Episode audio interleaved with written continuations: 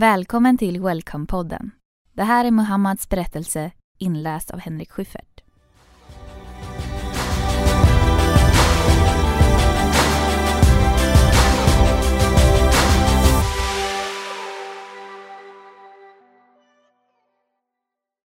Den turkiska kusten var mörk och kall den här sensommarnatten.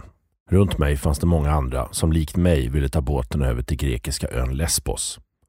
Flera av dem jag pratade med hade sålt sina båtar, bilar eller till och med sina hus för att ha möjlighet att genomföra resan. Jag hade jobbat hårt som försäljare i två år för att spara ihop den summa pengar som behövdes. Jag hade inte råd att åka med den dyra färjan och det var inte enkelt att hitta en smugglare som ville fixa en mindre båt som kunde föra mig till den grekiska ön. Det krävde rätt kontakter och ett ordentligt hemlighetsmakeri. Men jag lyckades till slut. Det kostade mig och de andra flyktingarna 1000 euro per person för att få lämna den turkiska kusten i en tre meter lång gummibåt. Tillsammans var vi 20 personer som skulle trängas på båten.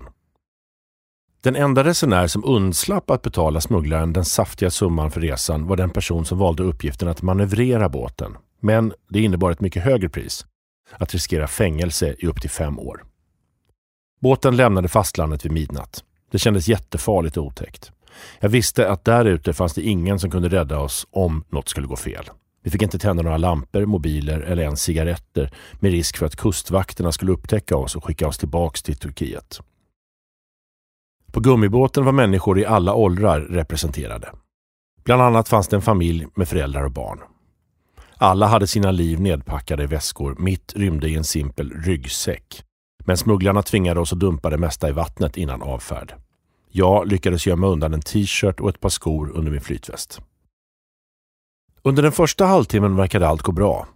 Båten la allt mer vatten bakom sig. Vi var påtagligt nervösa men också förväntansfulla. Nervositeten växte lavinartat när motorn plötsligt slutade fungera. Med ett par timmar kvar till Lesbos hade vi inget annat val än att med de få åren försöka paddla tillbaks mot Turkiet igen.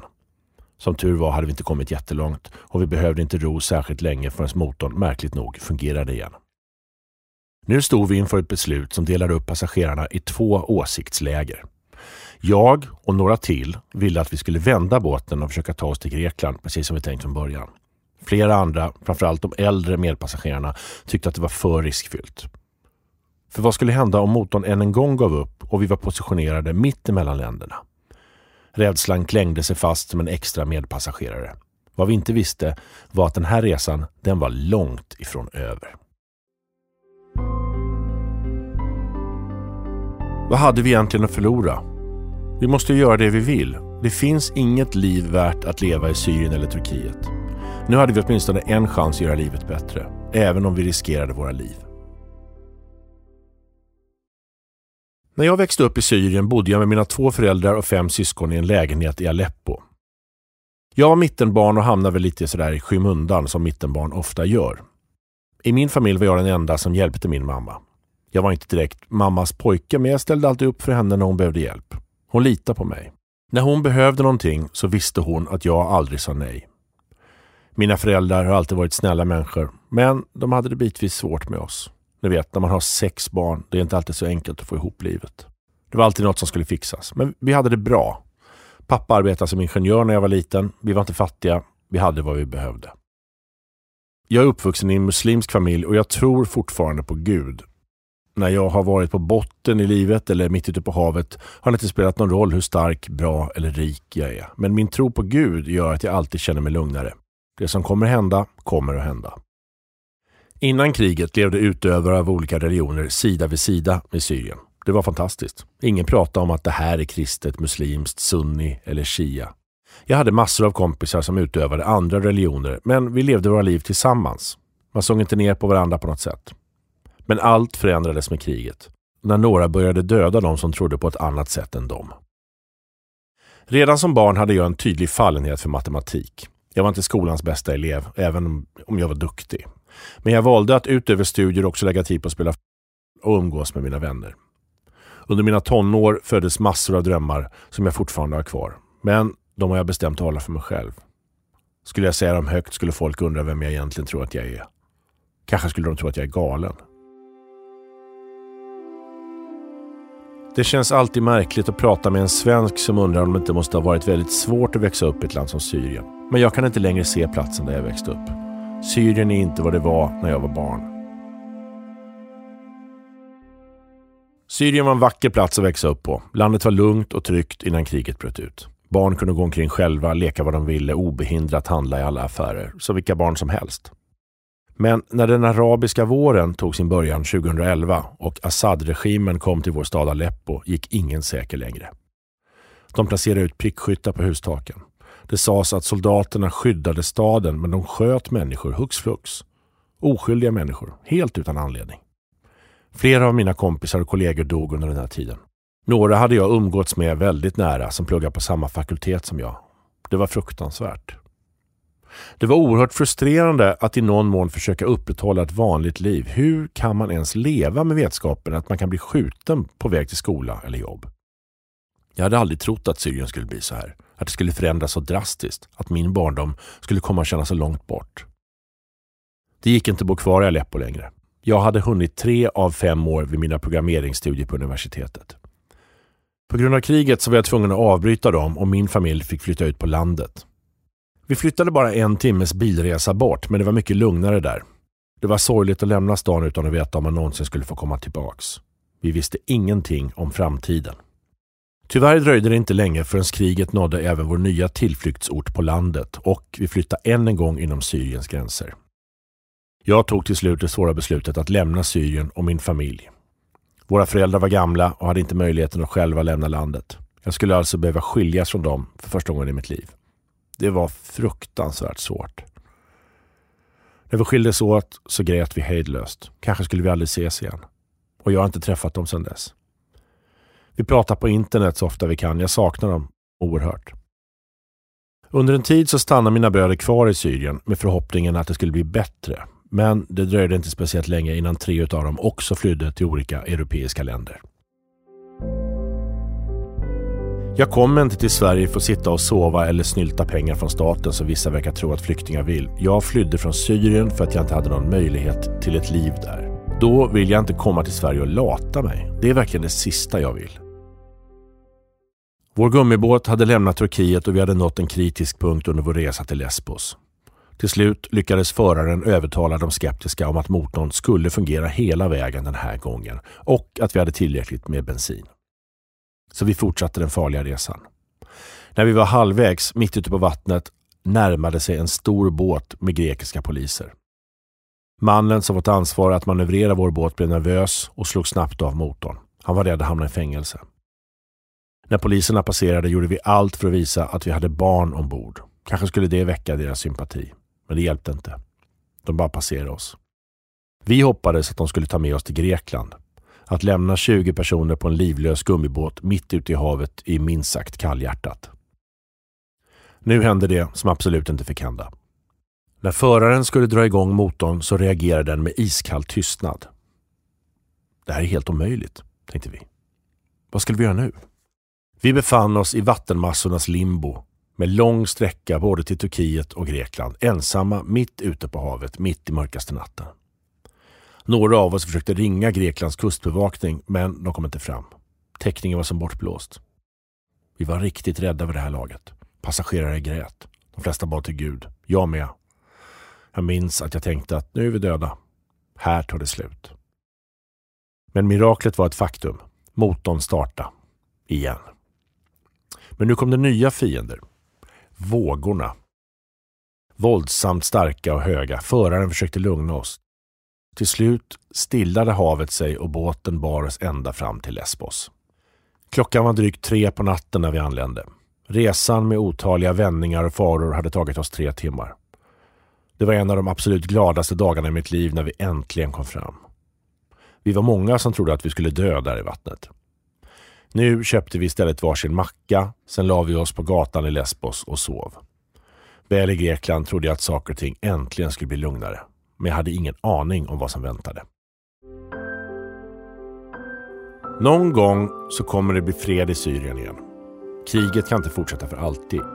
Just nu ser det väldigt mörkt ut. Ingen vet vad som kommer att hända. Jag vet inte när jag kommer att kunna återvända. Två år innan den farliga båtresan till Lesbos hade jag och mina bröder lämnat ett tumultartat Syrien bakom oss. Jag levde på drömmen om ett bättre liv i Turkiet men mötte en annan verklighet än den jag trodde jag skulle få. Det var såklart inte en lika farlig tillvaro i Turkiet men långt ifrån tillfredsställande. Jag hade inga papper och därav inga rättigheter. Jag kunde inte skaffa försäkringar och riskerade egentligen att bli utkastad när som helst. Det värsta var att arbetsgivare utnyttjade oss flyktingar. De vet att syrier vill jobba. Vi kämpade jättehårt för varje peng. Jag jobbade i klädbutik i 12 timmar per dag, sex dagar i veckan. Jag kunde inte bygga upp något riktigt liv. Den enda dagen jag var ledig i veckan orkade jag inte göra något annat än att bara sova. De två år jag spenderade i Turkiet kändes som två dagar. Jag träffade många andra syrier där. Många av dem hade planer att lämna landet.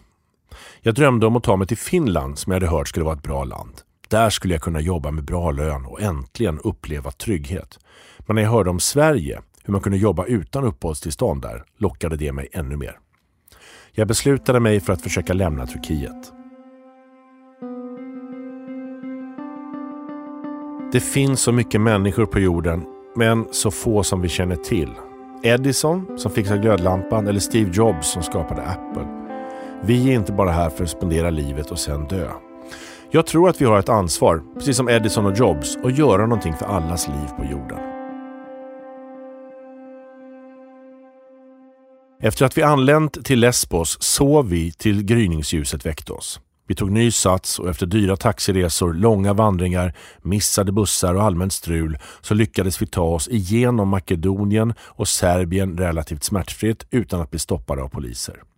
Men vi visste att nästa land skulle bli det svåraste att ta sig igenom. Vi kom fram till ungerska gränsen klockan sju på kvällen. Det tog flera timmar för oss att på riktigt ta oss in i landet. Vägen var lerig och allmänt otillgänglig. Det regnade, det blev allt mörkare. Vi kunde inte ge ifrån oss något ljud eller ljus överhuvudtaget. Då skulle polisen se oss. På en riskabel plats låg flera bondgårdar på rad. Vi sprang mellan gårdarna och pustade ut bakom dem. Vi ramlade flera gånger. Man såg verkligen ingenting. Vid ett tillfälle föll vi ner i en grop och landade på varandra. Det var så frustrerande, men vi hade inget att förlora. En bil passerade. Som tur var såg den oss inte. Till slut nådde vi en plats där smugglare erbjöd bilskjuts till Budapest. Det var riskfyllt att lägga sitt liv i deras händer men avsevärt mycket bättre än att låta polis komma åt oss. De två personer vi åkte med pratade inte engelska och de gjorde allt för att tjäna pengar. De ville att vi skulle betala innan vi nådde Budapest, men det ville inte vi. Vi kom överens om halva priset innan avfärd. 300 euro. Under resan började de tjata mer och mer om pengar ju längre vi färdades. En av dem satt bredvid mig och försökte tvinga mig att köpa hans mobil. En annan ville att min kompis skulle köpa hans ID-kort för 600 euro. Under bilresan så tyckte en av mina resekamrater att vi skulle använda Google Translate med våra mobiler för att kunna förstå de som körde oss. Men det ville jag inte att vi skulle göra. Vi behövde köpa oss tid. Jag ville inte att vi skulle förstå varandra för då skulle det vara enklare för dem att pressa oss på mer pengar. Jag ansåg att det var säkrare att vi inte förstod varandra. Det var tur att vi var fyra personer. Hade vi varit färre hade de kanske rånat oss på riktigt eller så hade det kunnat slutat ännu värre. Nu vågade vi skrika tillbaka när de började skrika. Men vi var jätterädda. De kanske hade vapen i bilen. Vi som hade valt att inte ta med oss några vapen på resan för att polisen inte skulle misstänka att vi var terrorister om de fick fatt i oss. Nu ångrar vi nästan vårt beslut. Bakom vår bil så körde ett annat fordon som verkade skugga oss. Vi kollade ständigt på GPSen för att hålla koll på att chauffören körde oss rätt. När vi närmade oss Budapest märkte vi att han började svänga åt fel håll. Det finns många som är förstående och jättesnälla här i Sverige. Inte minst på företaget som anställde mig. Med öppna armar tog de emot en asylsökande som mig. Jag kände mig accepterad. Det finns dåliga svenskar, det finns bra svenskar. Bra syrier och dåliga syrier. Men de flesta jag träffat här har varit schyssta. När vi märkte att de svängde av åt fel håll så började vi skrika på dem. Vi hotade till och med med våld. Vi var så desperata. Vi blev lämnade utanför en stad mitt i natten. Klockan hade passerat halv tre. Om polisen tog oss här, då skulle vi vara illa ute. Kanske skulle vi hamna i fängelse. Maffiakillarna som skjutsat oss sa att vi skulle börja springa, så vi betalade dem snabbt och gav oss av. Vi klarade oss utan att polisen märkte oss. Vi hittade ett undangömt hörn på en gata och väntade där till morgonen. Vi satt nära varandra för att hålla värmen uppe. När morgonen kom så tog vi oss till stationen i Budapest där vi köpte en tågbiljett till München. Jag var vid det här laget genomförkyld. Vi visste att det skulle finnas poliser där som ville föra alla flyktingar till ett camp. Två personer i vårt sällskap ville stanna i Tyskland men jag och en kille till ville ta oss vidare. Killen jag skulle fortsätta min resa med lyckades kliva av tåget innan mig och innan poliserna hann infinna sig på stationen. Det hann inte jag. Jag blev orolig när jag såg hur han försvann bakom avspärrningarna. Jag ville inte bli själv kvar. När jag såg ett par europeiska turister så fick jag idén. Jag började prata med dem, låtsades att jag var i deras sällskap. Det var läskigt. Jag kände hur mitt hjärta bultade i bröstet. Poliserna var precis bredvid mig när jag gick mot avspärrningen. Jag såg hur min kompis stod och smygtittade mot mitt håll bakom ett krön längre bort. När jag till slut lyckades med att obemärkt passera poliserna ville jag bara springa mot honom. Men jag var tvungen att behålla lugnet tills vi var bortom synhåll för dem. Jag minns hur vi kramade om varandra när vi sågs igen. Vi köpte snabbt varsin biljett från München till Stockholm. Vi pustade ut och tänkte att äntligen är vi snart framme. Men när vi kom till första stationen i Danmark så stoppade polisen tåget. De kollade igenom alla pass. Likt alla andra flyktingar var vi tvungna att stiga av tåget. Jag och min vän var fullt inställda på att återigen lyckas ta oss därifrån. Den här gången följde vi efter några journalister för att komma ur polisernas syn. Vi gick över en bro och in i en skog. Inte ens journalisterna hade märkt att två flyktingar gick bakom dem. Vi gjorde det så snyggt. Min kompis hade släktingar i Sverige så han ringde dem och frågade om de kunde komma och hämta oss. Det kunde de. Men det skulle innebära fem timmars väntan i skogen. Vårt telefonbatteri tog slut, men vi hann skicka våra koordinater till killens släktingar. Efter fem timmar så anlände släktingen och skjutsade oss till Malmö. Jag fortsatte med tåg till Stockholm.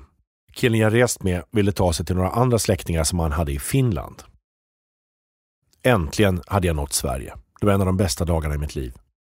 Resan hade tagit endast 12 dagar. Det hade varit en extrem utmaning, men vi hade klarat av det i ett raskt tempo. Vi hade inte haft pengar nog att stanna kvar för länge på varje ställe i varje land. Väl i Stockholm så träffade jag en organisation som frågade mig om jag hade någonstans att bo, vilket jag inte hade. De erbjöd mig ett enkelt boende där jag träffade en massa andra människor. Jag vill inte leva i Sverige som flykting eller asylsökande. Jag vill inte leva på pengar från staten. Jag skäms faktiskt. De flesta kan och vill jobba. Men eftersom uppehållstillståndet tar sån tid att få kan det vara svårt att hitta motivation för vissa.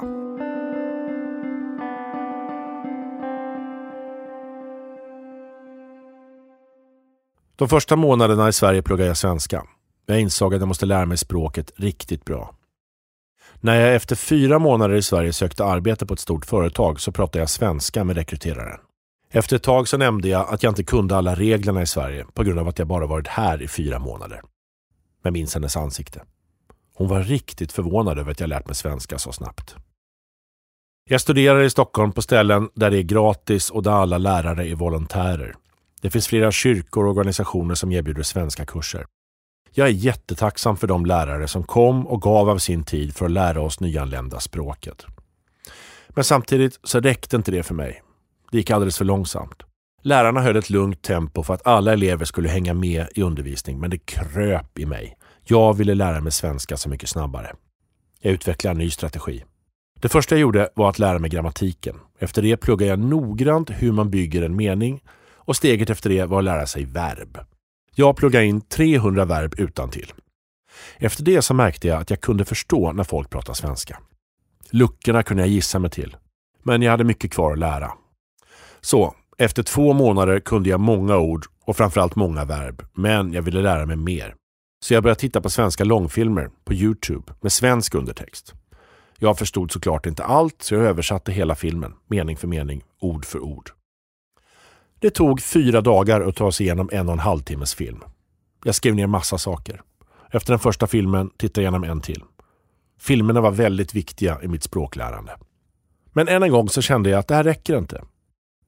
Jag fick idén att jag skulle memorera hela lexikonet. För om jag lärde mig alla ord så skulle jag kunna tala flytande svenska tänkte jag. Så jag memorerade alla ord under bokstäverna A, B och F. C, D och E hoppade jag över för det var färre ord som började på de bokstäverna. Men jag fick lägga ner den här planen när jag fick praktik på företaget som jag hade sökt arbete på. Jag behövde komma igång med programmeringen igen. Det var så länge sedan jag hade pluggat det i Syrien och man glömmer av det snabbt om man inte arbetar med det dagligen. Vad jag kommer göra i framtiden, det vet jag inte riktigt. Men jag är så glad över att jag fått den här chansen. Jag tänker ofta på min familj där hemma i Syrien. Jag hoppas att jag får träffa dem snart. Någon gång vill jag vara med att hjälpa Syrien upp på fötter.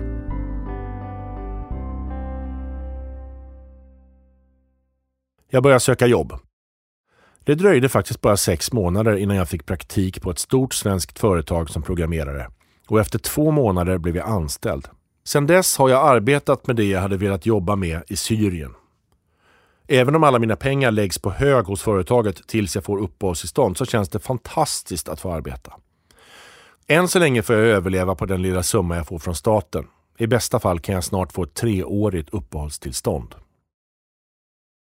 Som student i Syrien så läste jag mycket om människor som lyckats trots ett tufft liv.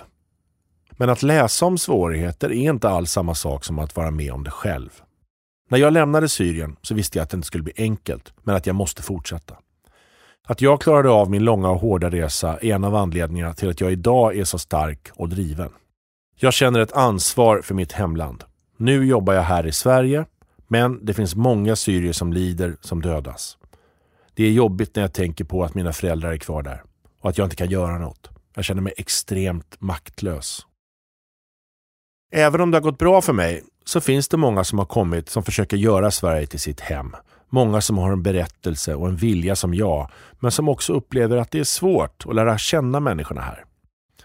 Jag är tacksam till de vänliga människor jag fått träffa sedan jag kom hit. Det kan ha verkat som ni inte har gjort mycket, men ni betyder mer än vad ni tror. Att jag kan bo och arbeta här, det, det är fantastiskt. Och en dag hoppas jag att få återse min familj i Syrien igen.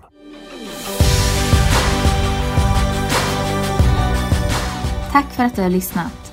Welcome-podden ges ut av Welcome App. Om du blir sugen på att välkomna någon kan du ladda ner den i App Store och Google Play. Besök gärna welcomemovement.se för mer info.